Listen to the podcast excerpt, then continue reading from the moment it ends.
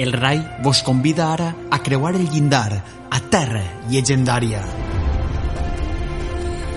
Així trobaràs les històries i llegendes més insòlites de les nostres terres. Soc Juan Fran Ferrandiz i seré el vostre guia. M'acompanyes? Endavant!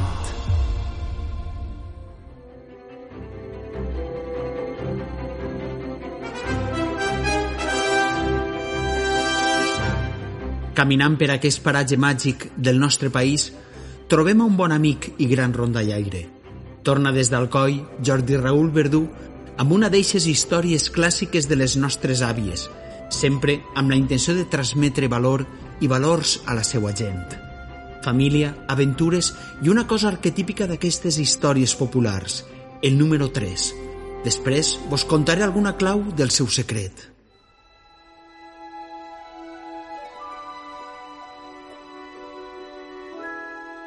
Soc Jordi Raül Verdú i vaig a contar-vos una rondalla extreta del recull de rondalles i conte contat que em va fer arribar Amèlia Garcia gràcies al seu iaio Ximo, que va néixer al Coi l'any 1924. Boira Terrera. Això diuen que era una dona que tenia tres fills.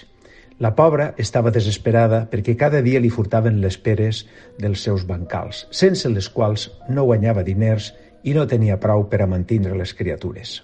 Ara que us donaré de menjar, si ens està desapareixent el fruit que us alimenta, es lamentava la dona mig plorant, encarant-se als seus fills que la miraven amb la boca oberta, esperant que els empapussara com si foren part de l'eix.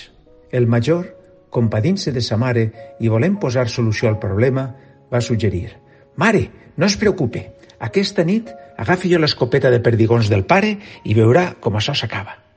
«Gràcies, fill, gràcies!» va exclamar ella, alleugerada per les paraules de consol del seu primogènit.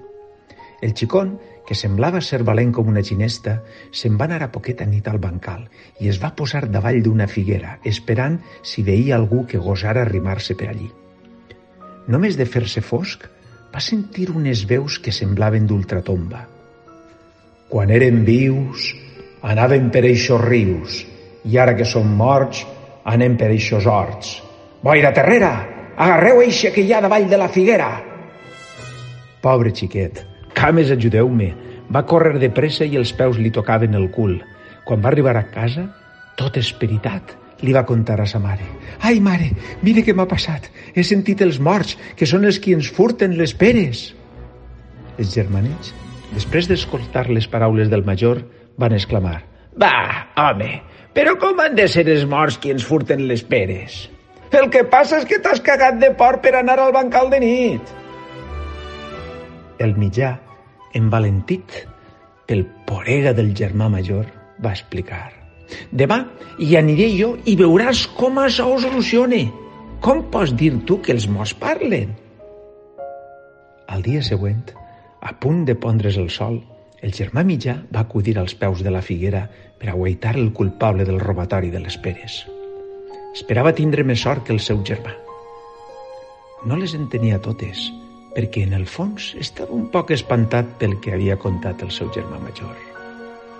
Només de fer-se fosc, va sentir unes veus que semblaven del més enllà i que deien «Quan érem vius, anàvem per eixos rius, i ara que som morts, anem per eixos horts.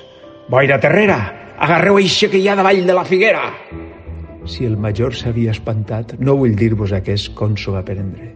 Corria i corria aterroritzat, fugint d'aquells morts i d'aquella boira que no veia, però que s'imaginava que se'l volia engolir. Quan va arribar a casa, sense alè, va cridar «Mare, mare, és de veres el que ha contat el meu germà, els morts, la boira terrera, té raó, li, li, li ho jure!» El xicotiu, llevant l'importància a la cosa i volent demostrar que els seus germans eren uns poregues, va exclamar «Va, va, va, va, va, va, va, per favor, aquesta nit hi vaig jo i sabreu vosaltres què és ser valent!» Ai, no, per favor, però si tu eres el més menut, com hi has d'anar? Es lamentava sa mare mig plorant. Mare, deixa'm anar, que ja veurà que no passarà res. Vinga, confia en mi. Tant, tant, tant hi va insistir el xiquet que la mare va cedir i va consentir que anara al bancal. Quan estava allí, als peus de la figuera, només de fer-se fosc, una altra volta la mateixa cançó. Quan eren vius, anaven per eixos rius, i ara que són morts... I no els va deixar acabar. Bé, si sou morts, no tindreu por a les perdigonades de sal que ara us pegaré. I va començar vinga l'escopetada apuntant cap a on venien les veus. Ai, ai, ai, ai! cridaven els suposats morts que, coents com un all, fugien de les perdigonades per a resenar-se. Ah, doncs sí que sou vius! bramava el xiquet, satisfet i rient-se de l'escarment dels morts. Quan va tornar a casa, solucionat ja el problema, sa mare el va acollir com un autèntic heroi, amb els braços oberts. Ai, fill meu, que contenta que estic! Que valent que has sigut! Quina lliçó de coratge has donat als teus germans! Ara calia anar al mercat a vendre les peres i així traure diners per dur la família endavant. El major de seguida s'hi va oferir a fer-ho. Tot carregat amb dos sacs al coll, se'n va eixir de casa cap a la plaça. Caminant, caminant, es va trobar un vellet assegut a la vora del camí. Ai, xic, què portes dins dels sacs? Li va preguntar l'home.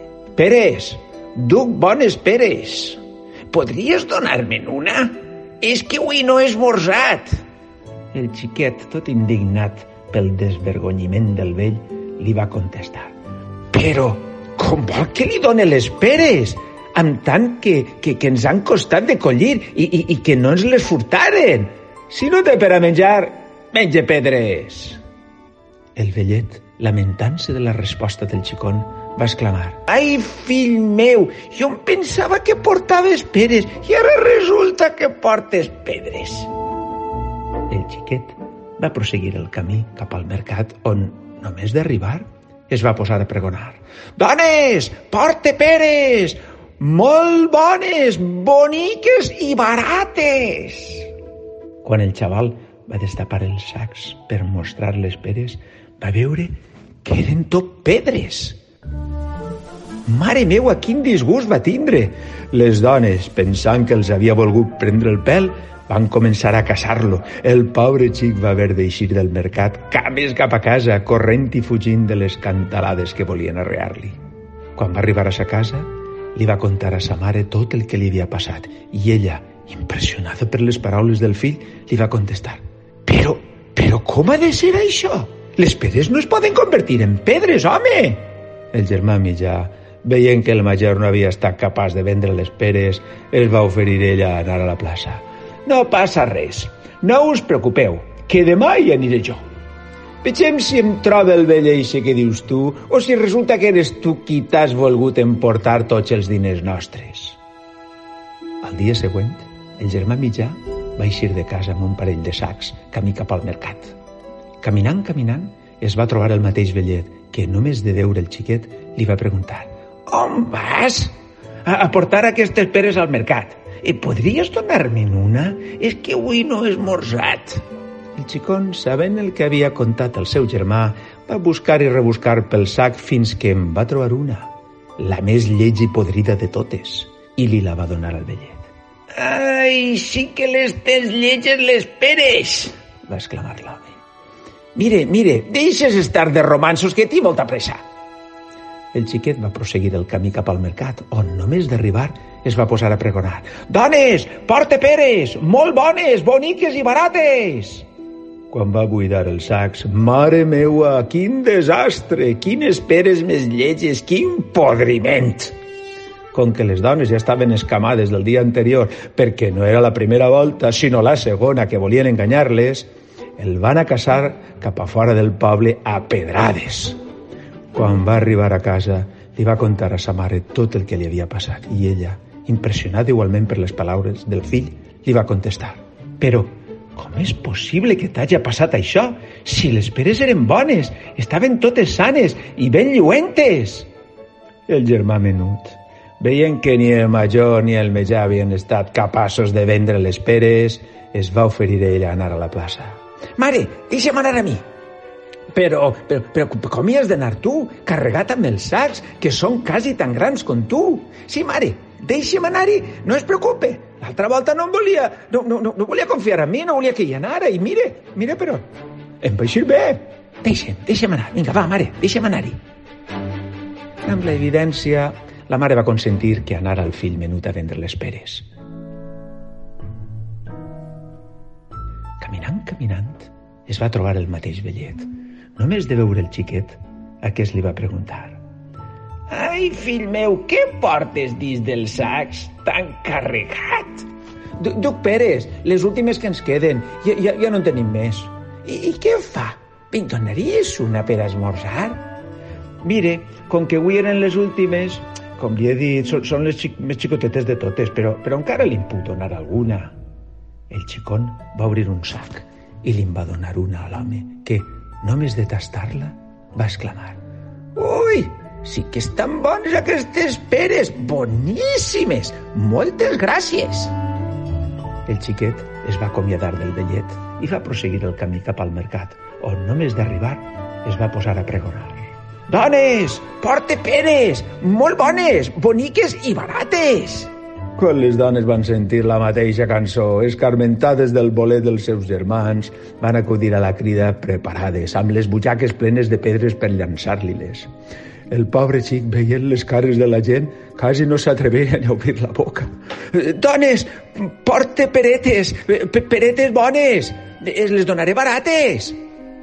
Quan va obrir el sac, les peres eren abundants, grans i precioses, les dones es van quedar meravellades. Totes es barallaven per comprar-li-les. El més curiós de tot era que encara que no feia més que vendre'n i vendre'n, el sac sempre estava igual de ple. No es buidava, per més que en traguera. D'aquesta manera, la mare va poder criar la seva família sense passar calamitats, gràcies al seu fill més menut, a la valentia, la determinació i la generositat. I, sobretot, gràcies als poders màgics del vellet. I conte contat, ja s'ha acabat. Per la ximenera se n'ha volat.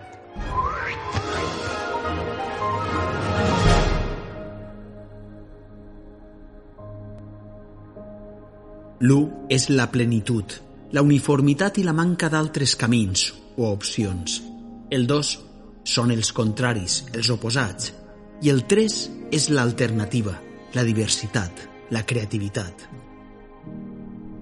Són conceptes hermètics, antics, però és que la nostra ment ho veu així. En les històries populars, el 3 sempre és eixa alternativa final que resol el conflicte. És una lliçó que ens pot ensenyar moltes coses, però com el temps se'ns ha esgotat, en destaquem una principal – el 3 és el mínim de voltes que s'ha d'intentar alguna cosa en la vida. Ni una ni dos determinen el fracàs i cal alçar-se. Tres o més són les necessàries. Esteu d'acord? Gràcies per acompanyar-nos cada setmana per aquesta terra llegendària.